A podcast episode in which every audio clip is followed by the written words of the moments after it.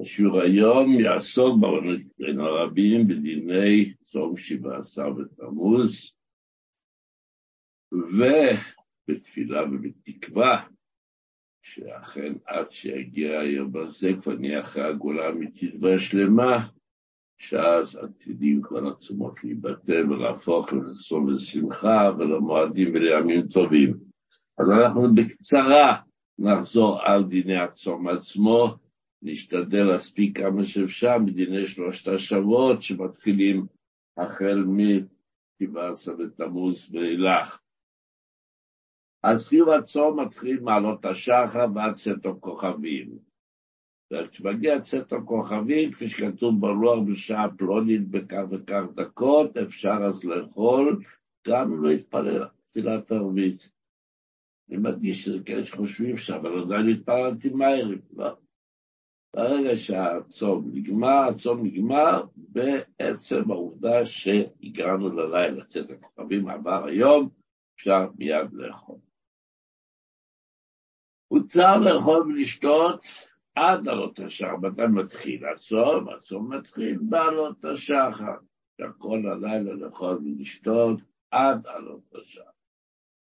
אבל כתוב בשולחנוך שאם אדם ישן שינת קבע, לא קם נדמה, אז פשוט הלך לישון ולהתעורר, אז הצום מתחיל מה שהוא התעורר, למרות שלפני עלות השחר עבר. מועיל תנאי לפני השינה, אדם יכול להתנות ולומר, אני הולך עכשיו לישון, אבל את הצום אני לא מקבל עד עלות השחר, ואז הוא יוכל לאכול ולשתות אם הוא יתעורר לפני העלות. יש פה שמתירים שתייה גם בלי תנאי, רק אכילה. על אכילה נאמר שאסור אם הלכתי לישון בלי תנאי. אמ, אבל מה שבטוח שאדם שרגיל בכל יום לשתות כשהוא קם, בסדר רגיל, הוא קם בבוקר, הוא שותה לפני שהוא יוצא. אז מותר לו עד עלות השחר לשתות, למרות שהוא לא יתנה לפני שהלך לישון, שאחרי שנת הקבע אני עדיין לא מקבל את הצום עלות השחר, גם בלי התנאי הזה מותר לשתות, כיוון שהוא רגיל ככה זה כאילו אוטומטית. תנאי מובנה. יש פוסקים רבים שקוראים שלכתחילה אם אפשר בקלות להחמיר בכל התעניות, לא רק בתשעה באב, גם בשני הדברים הדלהלן שאמורים גם בתשעה באב, שזה רחיצת כל הגוף במים חמים, ובנוגע להנהגה בין איש לאשתו, שכידוע יש את המגבלות בתשעה באב, אם זה לא קשור בקשיים גדולים או חס וחלילה בעניינים של וכו' וכו', שאני לא יודע לקרוא בשום בפרטי הדברים, אז כדאי להחמיר במידה. אבל זה לא חובה. יש פוסקים שסבורים שבשבעה תלמוד צריך למעט בשמחה כמו בתשעת הימים. כפי שהתבררו בשיעור הבאים ובתקווה כאמור שלא נצטרך להגיע לזה, יש דיני האבלות על חורבן הבית שנוהגים החל מ-17 בתמוז, ויש דברים הרבה יותר חמורים ומגבלות הרבה יותר קשות, שנוהגות רק החל מראש חודש אב, בתשעת הימים. יש פסקים שסבורים שביום 17 בתמוז, היום החורבן הזה, חייבים לנהוג בחומרות כמו שבתשעת הימים, לא כמו בשלושת השבועות, אבל ראיתי שבאיסקשוס כתוב שבשנה, זה היה ב...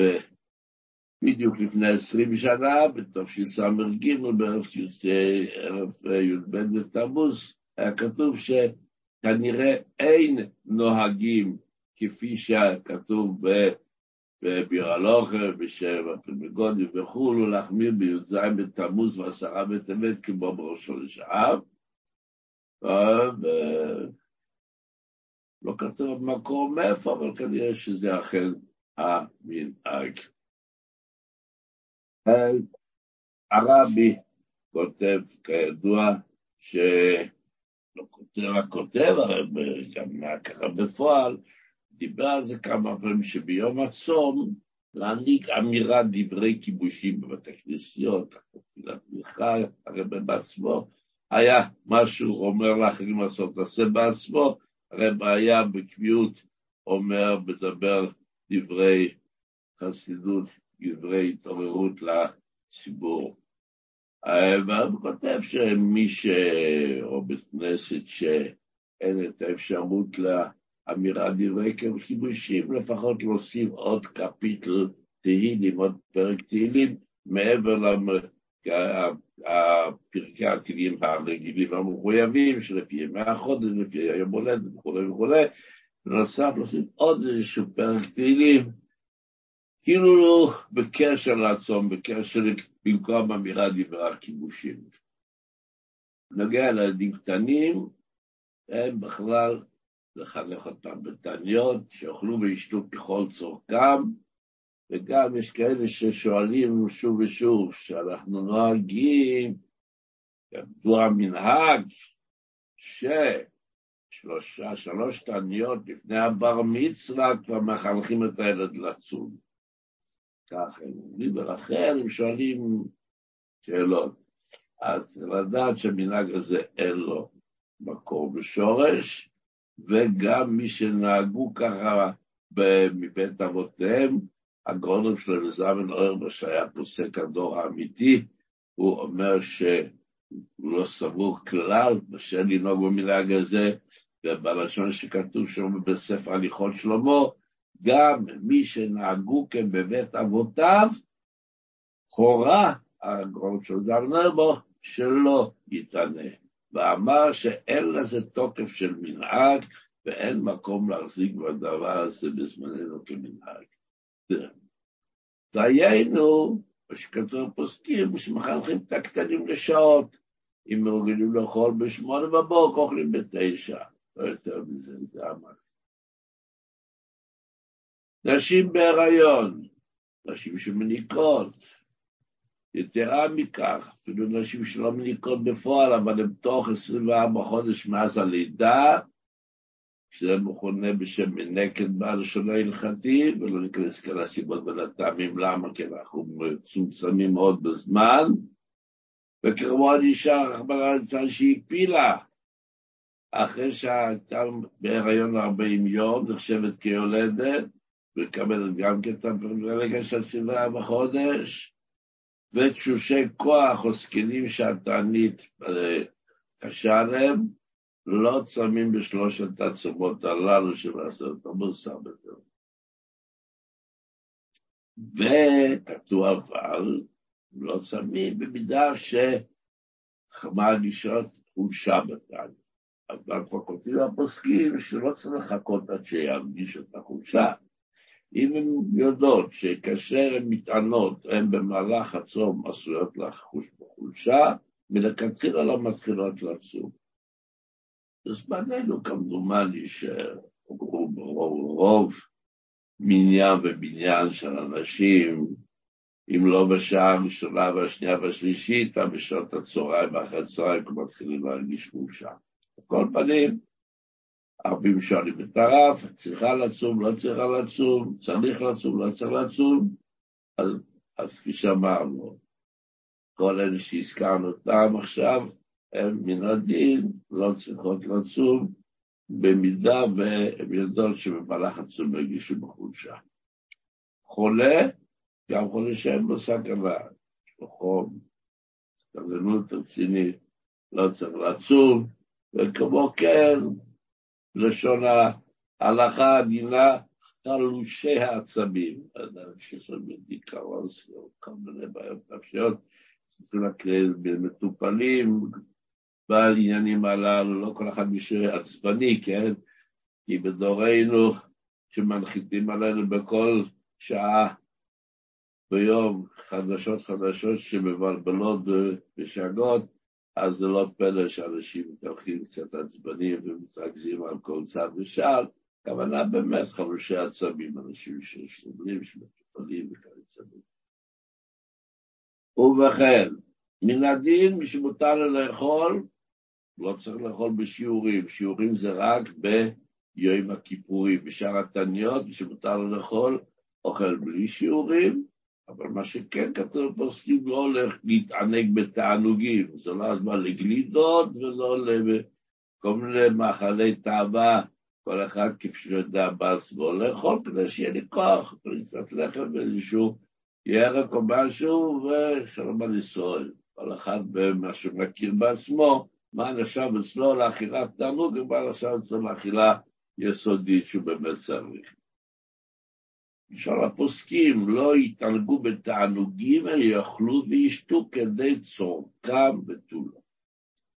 וגם עוד מגבלה, אלה שמותרים באכילה צריכים לעשות זאת בצנעה, לא בפני הציבור, כפי שאנחנו הזכרנו כבר כמה פעמים ונזכיר במהלך השיעור ולהלן עוד, דברים שהם אסורים בעצם, שהציבור נוהג בהם לאיסור, ואדם מסוים נוהג בהם יותר מסיבה מסוימת שהותרה לו, אז לא לעשות את הדברים האלה האסורים בפני אלה שזה אסור להם.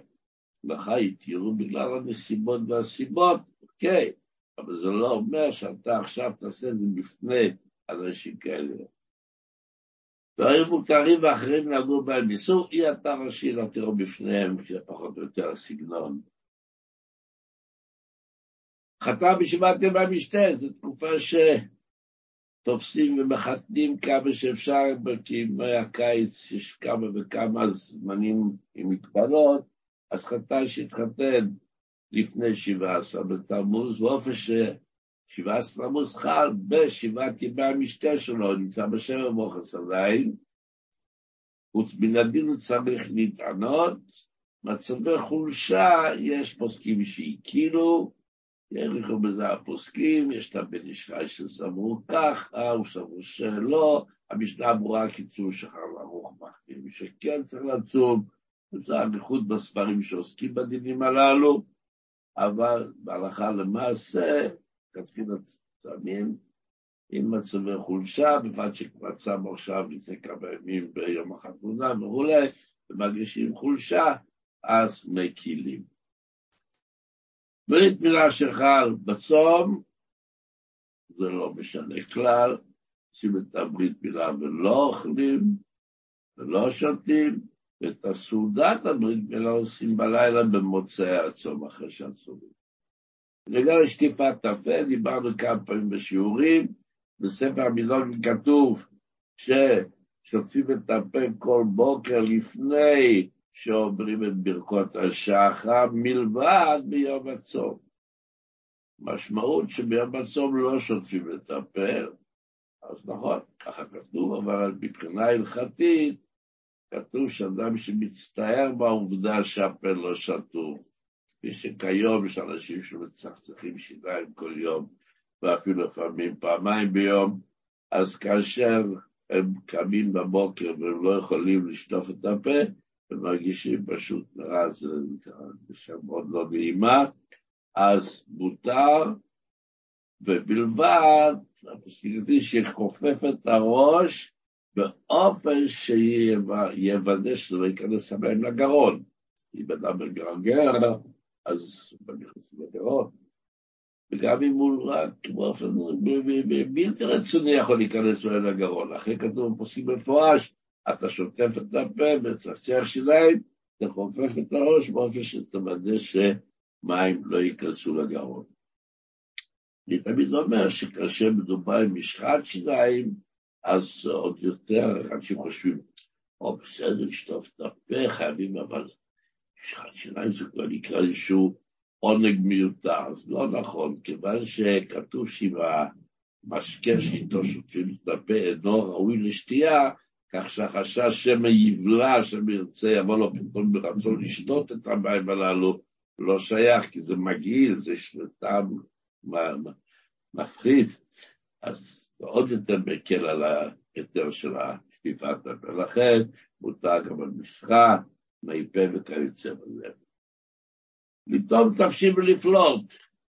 עכשיו, בבשל רוצה לדעת, יש מספיק מלח, אבל זה מספיק טוב, צריך אולי להוסיף איזה משהו, אז לוקח קצת לפה, לבלוע חס וחלילה, אבל לשטוף לפה ולהעביר את זה בפה נקודות חי שנה אתה וימין השמאל אמר למטה כדי לחוש אם זה בסדר או לא, ולפלוט החוצה מיד את התבשיל הזה, אז יש פוסקים שמתירים, יש פוסקים שאוסרים, ושוב, אם זה לא נורא חשוב, לא לעשות את זה. אדם ששכח ואכל, שכח שאין רצון מגיע הביתה, הוא רעב וצמא לקח כוס מים שתה, אוי ויי, נזכר, היום צום, מה עשיתי?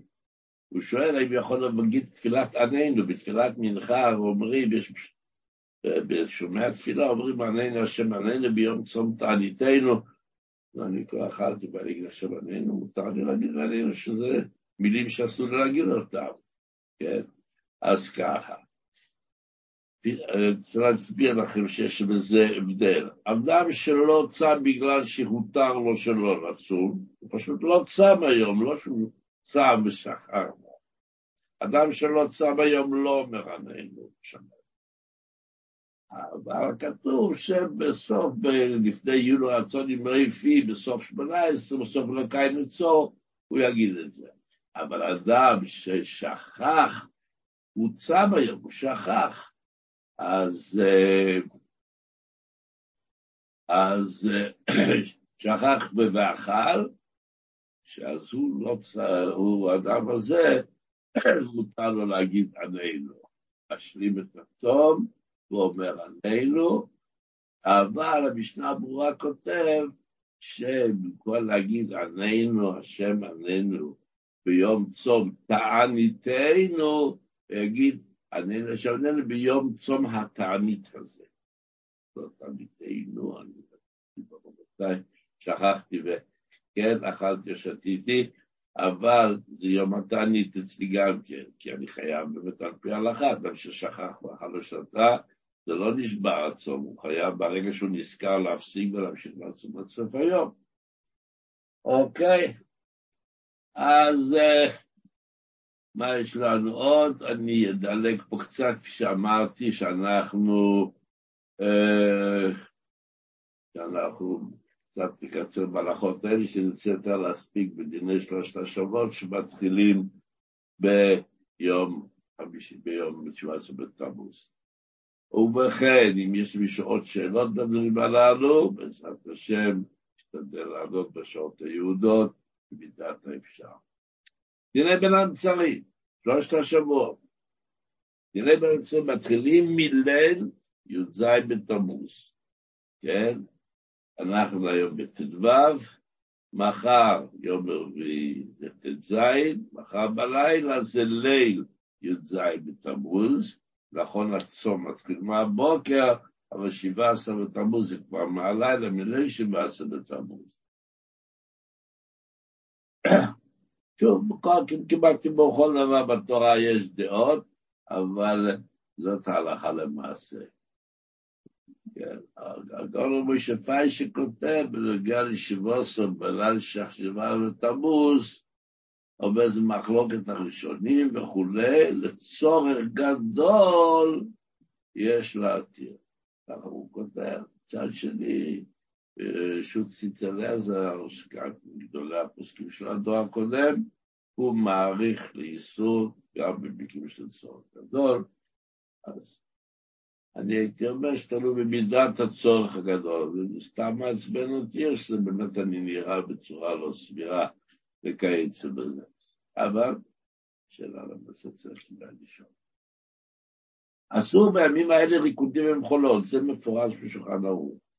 צריך לדעת שגם בשמחה שמכונה בשם, בחב"ד קוראים לזה לחיים, והם קוראים לזה וורט, לפחות האחרים קוראים לזה בטעות אירוסין, וכידוע שהרבי שלום הזהיר לא לקרוא לזה אירוסין, כיוון שנותן לפעמים הרגשה לזוגות מסוימים, שכאילו יש כאן איזשהו קשר אמיתי על פי תורה ביניהם, מותר להם דברים שבאמת אסורים באיסור גורמו, כיוון שהם ממש מבחינה הלכתית כמו שני אנשים זרים שהחליטו שבבוא העת יתחתנו, ואין ביניהם שום קשר שמתחבר למילה אירוסים, שזה מושג הלכתי שמדבר כבר על קידושים. אבל אני מדבר עכשיו על הסעודה הזאת. יש עכשיו את הוורט, הלחיים, האירוסים האלו, שחלו בשלושת השבועות, מליל י"ז בתמוז ואילך, כבר אסורים בריקודים ומחולות, כן? בנוגע למוזיקה ללא ריקודים ומחולות, בכל מצב שהוא, זה לאו דווקא עכשיו מדבר על חי ואבות, בכל מצב שהוא, גם כשמושמד בכלי אלקטרוני, לא בכלי ממש שמביא מפה אורקסטרה של נגנים, אלא שאיזשהו טייפ או מחשב, כיוצא בזה מאמצים אלקטרונים שמשמיעים מוזיקה יפה, גם כן עשו פוסקי הדור האחרון שהגיעה ההמצאה הזאת לאוויר העולם, שבעצם אנחנו לא שומעים את הכלי שמנגן, אלא מצב אלקטרוני שמחקה את הכלי, זה פעם התקליטים, אחרי כן תקליטורים, ואחרי כן צידי וכל האפשרויות, והיום האפשרויות של היום האלקטרונים, גם כשהמוזיקה מושמעת בכלי אלקטרוני, פוסקי דור אלה כתבו להחביא בנגע למוזיקה. התפרסם עסקה של לפני כמה שנים, ששמיעת קלטת, לא מוזיקה ממש, שמענו קלטת, שלא לשם שמחה, לא שאני רוצה שיעשה לי שמח. זה מדובר בכוונה לשם שמיים. למה איזה לשם שמיים? יכול להיות גם כן להרגיע את העצבים. אני מניח, אני חייב עכשיו מוזיקה, אני עכשיו... אני עכשיו מוזיקה, אני מתעצבן נורא. כן, יש בלבוסטס שרגילות שקשה, הן עושות עבודות בית, הן צריכות את המוסיקה ברקע, אחרת הן כל רגע שמות לב שהן עובדות יותר מדי קשה, אם הן מגהצות אז כל חולצה נספרת ומורגשת, אבל כשהמוזיקה טובה ברקע, פתאום בראש כבר רמת חולצות הצליחה לכבס, וברוך השם עבר בשלום, וכיוצא בסוגי עבודת הבית. ומי שרגילים לזה, וזה לא נעשה לשם שמחה, אלא לשם הרגעת העצבים, או שלא לדבר, כפי שהיה בעולם של המזרח, של גרלי, זכרונו לברכה, הרב, משה כפר חב"ד, זכרונו לברכה, הגאון הרב גרליק, הוא קבע שזה כוונה לשם שמיים, הוא רוצה להעביר את הזמן בניגונים חסידיים. צריך ללמוד, מקצועיים, אבל עכשיו הוא נמצא במצב שהוא צריך להעביר את הזמן באופן שלא יהיה חס וחלילה דבר בתהילים ואסורים שלא לדבר, רוצה להעביר את הזמן בניגונים חסידיים, יש מקום להתיר. וגם ככה בליטא גבריאל, בפרק נ"ג שעוסק בדינים הללו, מביא מכמה מפוסקי דורנו שגם כן הסכימו לזה, אבל כשהדגשנו מקודם, שמי שמותר לו לאכול בצום בגלל המצבים וכולי שהוא סטרונל, צריך לעשות את זה בצנעה, לא בפני אלו שמטענים, על דרך זה גם בנושא הזה. לך מותר, או בגלל שאתה עושה את זה באופן המותר, אבל כאשר הציבור שסביבך יודע שעכשיו זה שלושה שבועות, עכשיו לא שומעים מוזיקה. אז עושה את זה באופן שלא יהיה תשמע אה, ברבים. כן? אני חוזר שוב, דברים המותרים ואחרים נהגו בהם איסור, אי אתה רשאי להתיר בפניהם. ולכן אם אתה מקל, אל תעשה את זה ברבים, תשמע באוזניות, בכלי המוזיקה השונים שלא נשמעים כי לאדם עצמו ולא לסביבה שסביבו. בא בנוגע לסעודת מצווה, סעודות שנחשבות על פי הדין לסעודת מצווה, כן, מסיבת בר מצווה שנלכת בזמנה, ברית מילה, פדיון הבן, סיום מסכת, שבע ברוכס, כן? אז הפוסקים מתירים אפילו ריקודים בחולות וגם בכלי נגינה. יש פוסקים שהתירו. אבל מורים ורבים ברשות שבט הלוי, וגם אני דיברתי על זה יותר באריכות בנוגע לימי ספירת העומר, שיש גם את הדינים הללו, שהוא כותב ש... על משמרתי אעמודה, הוא כותב, שאסור לעשות עיקודים בכליזה וכאגבנו, מדבר על שלודת שבע ברכות. רק שירי פה, כנהוג. וכפי שאמרתי לכם, בימי ספירת עומר אדמו"ר זקן מחמיר בזה, השאלה שלי, שרשמתי לעצמי, שאולי ההשוואה ספירת עומס זה אולי ימי תשעת הימים. שאמרנו מכל חודש האב ואילך, מתחילים דינים הרבה יותר חמורים, איסורים רבים נוספים שלא שייכים עדיין בתקופת שלושת השבועות. תשעת ימים מראש חודש באב, אב עד למחרת תשעה באב, שאז הימים חמורים יותר, זה נשווה בספירת העומר, שגם בסעודות מצווה אסורה מוסיקה, אלא רק צירה בפאר, בגודים וקולות אסורים.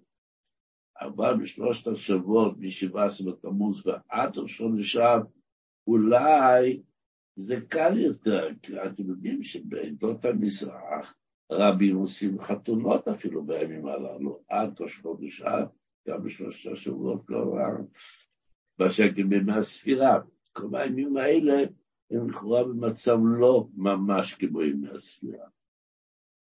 אז טוב, אם אני מגיע לאיזשהו מקום שאני רואה שהוזמנתי ויש שם את אחד הימי הסעודות מצווה אמיתיים, כי אין לו מדובר עכשיו על דברים שהם לא סעודת מצווה אמיתית, כמו שאמרנו, מילה, פדיון הבן, מסכת של ברוכס, ואני אראה שיש שם ריקודים וחולות, אני לא אעשה מאחורי ויגיד, רבותיי, תדרי ואוכל ששלושת השבועות עשו. אבל אם שואלים, אז להגיד, תתחיל לא, לא לעשות את זה, להסתפק בשירה בפה, כמו שהיה נהוג בשנים קדמות יותר, כאשר עדיין לא הומצאו המכשירים הזמינים שכל אחד יכול לתת לחיצת כפתור, והופ, מתחילה לשיר לך מקהלה שלמה מנגנת לך בכלי נגינה שונים, אלא אם רצו לעשות שמח, אז פתחו את הפה ושרו ושרו ושרו. הכנסת ספר תורה, הרבי כותב בשערי ההלכה ומנהג אנחנו מביאים את המכתב הזה, ואני מצטט את לשונו, לכותבו, זה מה שאתה כותב לי, שיום המתאים לעשות את הכנסת ספר תורה יהיה בין המצרים, ככה לא קורא לשלושת השבועות, או גם תכף לאחר ראש חודש מנחם אב של תשעת הימים. מובן שהסברה לעשות זה אחרי ראש חודש מנחם אב מושללת, זה מושלל לגמרי. וגם בנוגע לבין המצרים, בשלושת השבועות, יש להתעניין בדבר האם אי אפשר לעשות בזמן מתאים יותר. מגרגלים זכות ליום זכאי. זה מבחינת מתי לתזמן את הזמן להכנסת הספר התורה. אבל אני אומר שבמידה ובכל זאת של הסדרים האלה, הכנסת ספר תורה מותרת גם במוסיקה וריקודים כנהוג. אדם שמתפרנס בשיעור הנגינה, ועכשיו אתה שלושת שלושה שבועות אתה לא תיתן לו ללמד נגינה, אז הוא בעצם עשוי להישאר בלי פרנסה. או תלמיד שעשוי, אם אנחנו בשלושת השבועות האלה לא ניתן לו להתאמן, הוא עשוי להפסיד ידע שהוא כבר רכש, מותר להם עד ראש חודש אב, יש מי שמכיר בת שבוע, שכבתי שבת, נראה בשיעורים הבאים. אבל אה, אם לא, בעצם אני כבר יודע לנגן היטב, אני כבר, אני שלושה שבועות לא אנגן, אני לא אשכח. אני אחרי תשעה באב אקח את הכלי ביד, רמת הידע שלי לא נפגמה בזה שלושה שעות לא נגעתי בשיר, זה אסור. אבל אם אתה נמצא בשלבי הלימוד, או אם אתה צריך שלושה שעות להפסיד, כבר צריך להתחיל עוד פעם מההתחלה. תספורת אסורה בשלושת השבועות, החל מליל 17 בתמוז תספורת אסורה.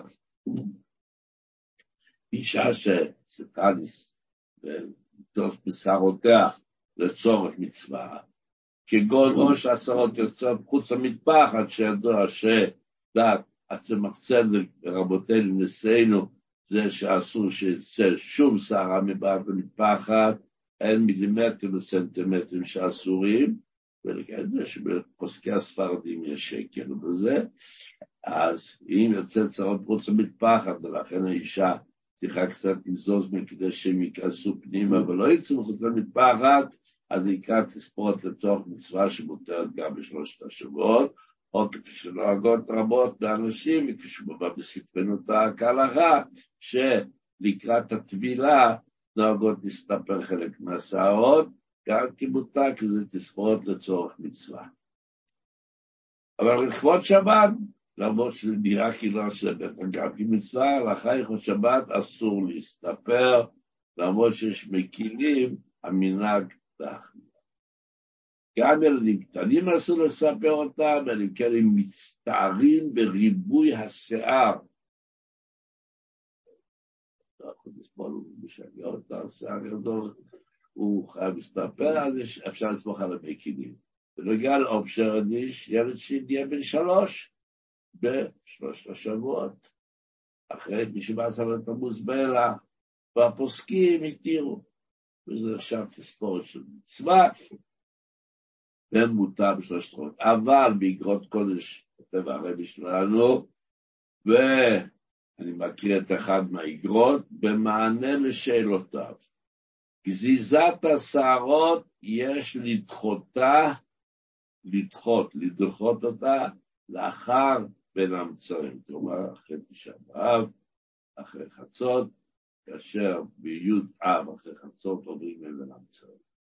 לדחות, למרות שהיום הולדת של ילד חג כבר בימים שבין 17 בתמוז תשעה באב, לא לעשות עכשיו את האופשר, לדחות אחרי בין המצרים.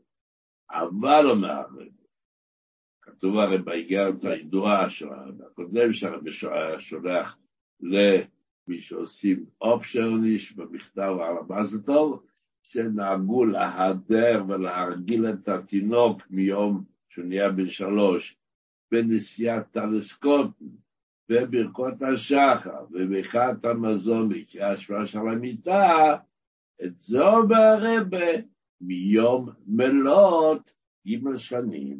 כלומר, את התספורת בפועל לזרוז את הסורת, את שמחת האופשרניש, זה תדחה לאחרי תשעה באב. אבל את מה שכתוב שמיום האופשרניש עושים את ה... את הדברים הללו, זה תתחיל מגיל בשלוש, לא קשור. ובעצם ביום מלאת ג' שנים צריך להרגיל את התינוק בעניין נשיאת טלית קטן, ציצית, ברכות השחר, ברכת המזון, ישמה של המיטה. זה מיום מלאת ג' שנים. עכשיו, להסתרק, שואל הבן אדם, אני כשאני מסתרק, יש לי תמיד בתוך המסרק יש שערות. אז זאת אומרת, בשלושת השבועות שאסור לגזור שערות, האם בפעולת התסרוקת שלי כבר גורם להשארת שיער ודאית מותר. האיסור זה להסתפר, להסתרק מותר, גם כשגורם להשארת שיער ודאית. צף שיער שאר מקומות שבגוף, שלגבר אסור לספר, כן, בשום לא יקל גבר על אישה ולא ילבש גבר שמלת אישה, לאישה מותר להם לספר שיער רגליים, שאר מקומות שאישה נגיד הגלחה, מותר, כך פוסק הגאור ושלום זר ונורבו, וידוע שרבי שפיישטיין כתב להחמיר, אבל הגאור שלום זר ונורבו פוסק לא מברכים שהחיינו במי בין המצרים, והכוונה זה שאנחנו לא מביאים את עצמנו לברכת על מצבים שחייבים עוד לדבר, אבל קודם נדבר על מה אסור. אנחנו לא מבקשים שירה בין המצרים, אבל על פי האריזל, גם בשבתות אסור, כן? ולכן כתוב לא לאכול פרי חדש במרר, עכשיו עונת הפירות, ופתאום עוד לא אכלנו מישהו, לא אכלנו נקטרינה, ולא אכלנו ענבים היוצא בזה, בשלושת השבועות לא מבחים שהחיינו, ולכן לא אוכלים פרי חדש בימים הללו, אלא אם כן יש פוסקים שסבורים שפרי מסוים נדיר, שעכשיו יש לנו אותו, אבל בין המצרים לא יהיה לנו את הפרי הזה, ואיזה סוג פרי שאי אפשר לשמוע אותו עד אחרי המצרים במקרר, אז באתי, אבל זה משהו מאוד נדיר. עיקרון, לא אוכלים פרי חדש בימים הללו כדי ש... כמו שעשו לו השחיינו, ונוגע לבגד חדש, אז דיברנו פעם יותר בהרחבה, נקצר הפעם, שרק סוגי בגדים כאלו, שהם נחשבים לשמחה לאדם, כיוון שמחדשים בגד כזה רק פעם ב... זה לא איזשהו בגדים פושטי פשוטים, כן? כתוב שאתה תלוי באמת בבן אדם, אדמו"ר זה כותב בסל ברכת הנהנים, זה היסוד לכל הפוסקים שקדמו לו. עשיר גדול שקונה בגדים חשובים, שהוא לא שמח בהם כיצד לא נחשבים. סיפרתי פעם שהייתי בבית של אחד עשירי תבל, ויש לו איזה 40 חליפות בארון, כיוון שכל פגישה את העסקים שהולך חמש חליפות. הציע, אז הייתי אז ראש ישיבה של עולים חדשים מרוסיה בתקופת ה...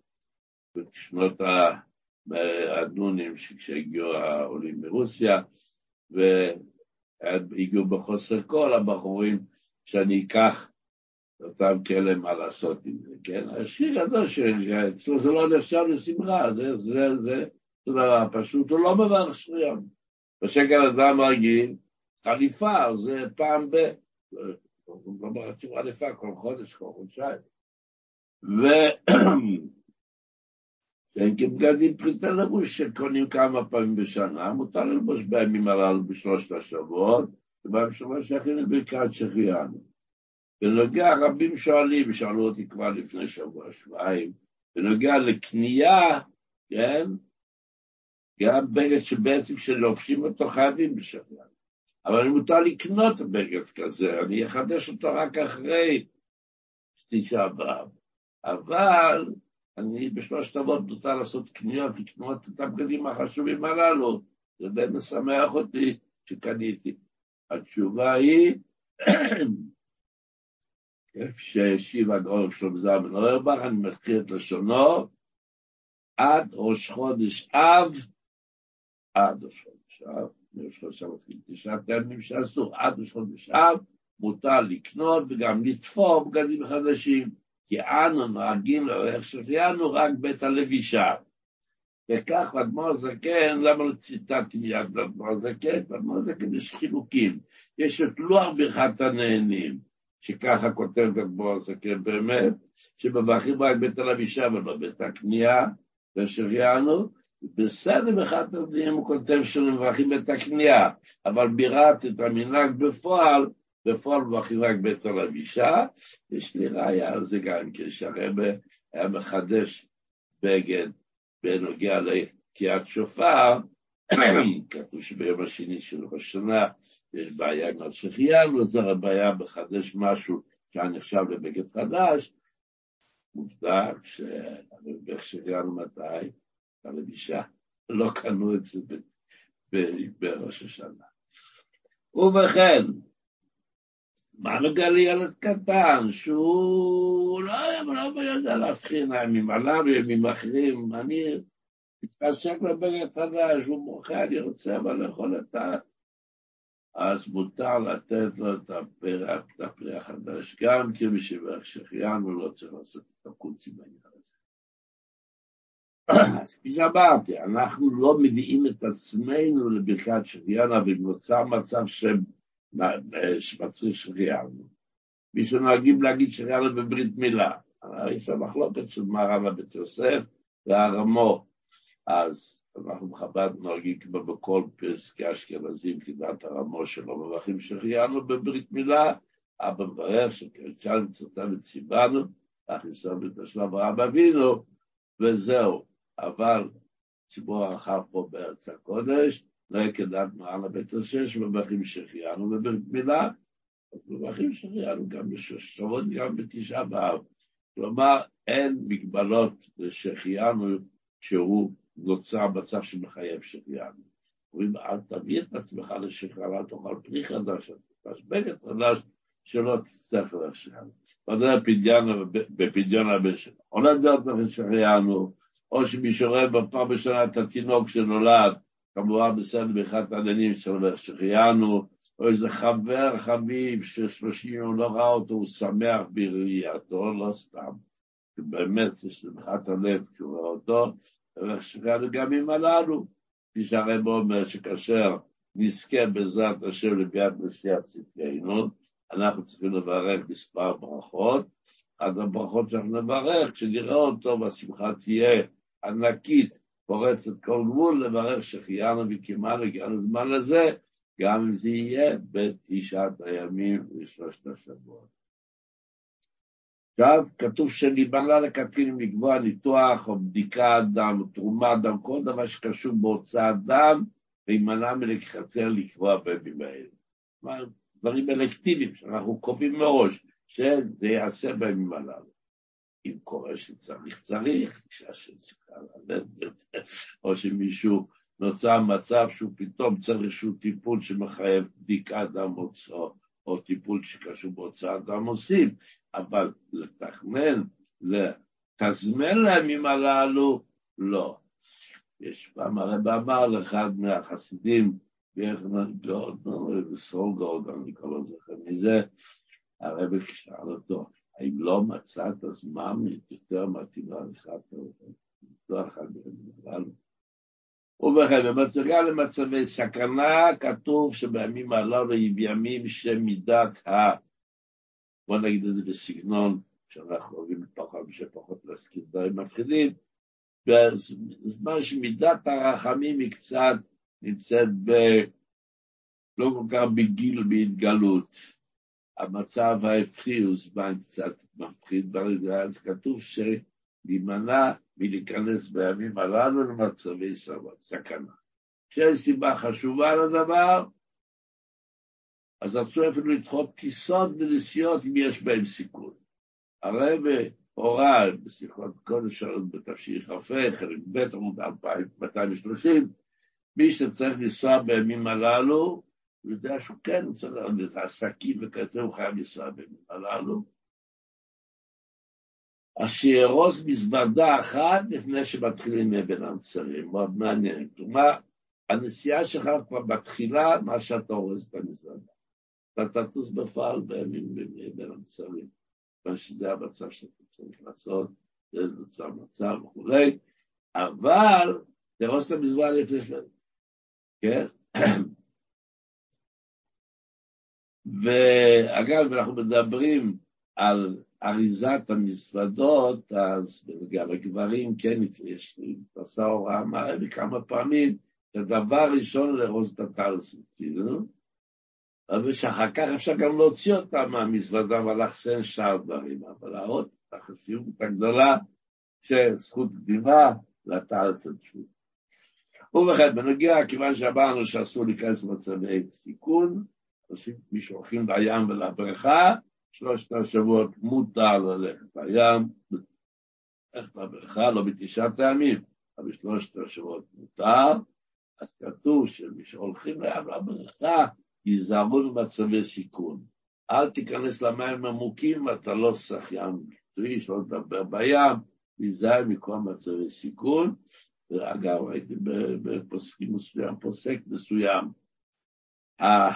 חבסיון, מי שיודע מי היה, הליכה גדולה פוסקים של שלוש מאות שנה, שהוא כותב נמנעים מלרחוץ בנהרות מפני הסכנה והעת, הזמן, הזמן הזה מסוגל. עכשיו, צריך לזה לא להכות את הילדים בימים הללו, אף פעם לא. אבל בימים הללו בפרט, גם כשמצב שעל פי תורה מותר, אז הסלואים האלה זה סכנה, ולא לזרוק עליהם שום דבר, ולהזהיר אותם את הילדים שבין אחד לחברו ייזהר מאוד בכך.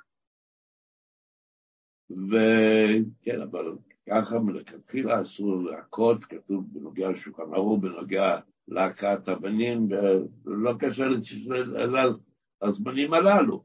הלכות נזקי גוף ונפש, בשולחנו חושת משפט, כותב אדמו"ר זקן, שילדים גדולים, בטח שאסור להכות הפעם, שיכול לגרום שהם יתחצפו לאבא או לאמא, ואנחנו מכשילים אותם. אבל אפילו חינוך לתורה ולמצוות, להדריך אותם בדרך אחרת, זה שום דבר לא עוזר. ואז מותר הואיל ומתכוון לטובתם. אם חס וחלילה רצו לפרוק את הזעם והעצבים, אתה לא שומע בקולי כמה פעמים, אני אומר לך, אנחנו מתרכזים, סטופ. זה איסור גמור, אבל אתה רק מתכוון לטובתה של הילד. הדרך היחידה שהוא ילמד לקח, וטובתה מוטלת עליו שברשותו, ואם אפשר לעשות את זה בדיבורים, אסור בשום אופן, זה נחשב איסור כל כך חמור, טוב שאדם נמצא בחצי מישהו חרם עם מכה, שמכה יהודי, כולל גם את הבן כשלא צריך, אסור לצרף אותו למניין, אל תשאלו שם לדעת. זה לא השיעור שלנו היום. על כל פנים, בכלל צריך, רוצה לנצל את ההזדמנות, צריך לא רק, צריך לכבד את הילדים, כן? מה, כבד את אביך ואת אמך. לכבד את הבן שלי, להגיד לו יפה, לדבר איתו יפה, הכל. לכבד, אז תשמעו. אני מחזיק את לחתני היקר, שני החלשים ברמת גן, סיגן, שהוא גילה את אוזניי, כשהגיע בפרשת השבוע, קראנו את עקידת יצחק, כתוב שהקדוש ברוך הוא אומר לאברהם והשכם, הקדוש ברוך הוא אומר לאברהם, קח נא את בנך ואת יצחי ויזכרו, אז אברהם אומר, הנני. אברהם אומר, הנני. מיד רש"י אומר, אתה יודע מה זה הנני? זה לשון ענווה וכבוד שככה מדבר בזה. שברוך הוא קורא לאברהם אבינו, ואומר, אברהם אברהם, ואומר, הנני. למה זה הנני? זה סוג אקספרשן, ביטוי מיוחד שמבטא ענווה וכבוד. שימו לב, בהמשך כתוב שכאשר הולכים בדרך אברהם ויצחק בנו, ויאמר אברהם ויצחק אביו, הנה העץ, האש והעצים ויעשה לעולם. אז שם כתוב שאברהם אומר אבי, לפני שהוא שואל את השאלה, אומר אבי, ויאמר הנני. האבא מדבר לבן באותו לשון של ענווה וכבוד, שהודגש מקודם שכשהקדוש ברוך הוא התגלה אל אברהם ומדבר עליו, אברהם, אברהם ויאמר הנני, זה משהו כבוד ושוב כמה מספר פסוקים, שהבן אומר לאבא, ויאמר אבי, ויאמר הנני. שוב למשל.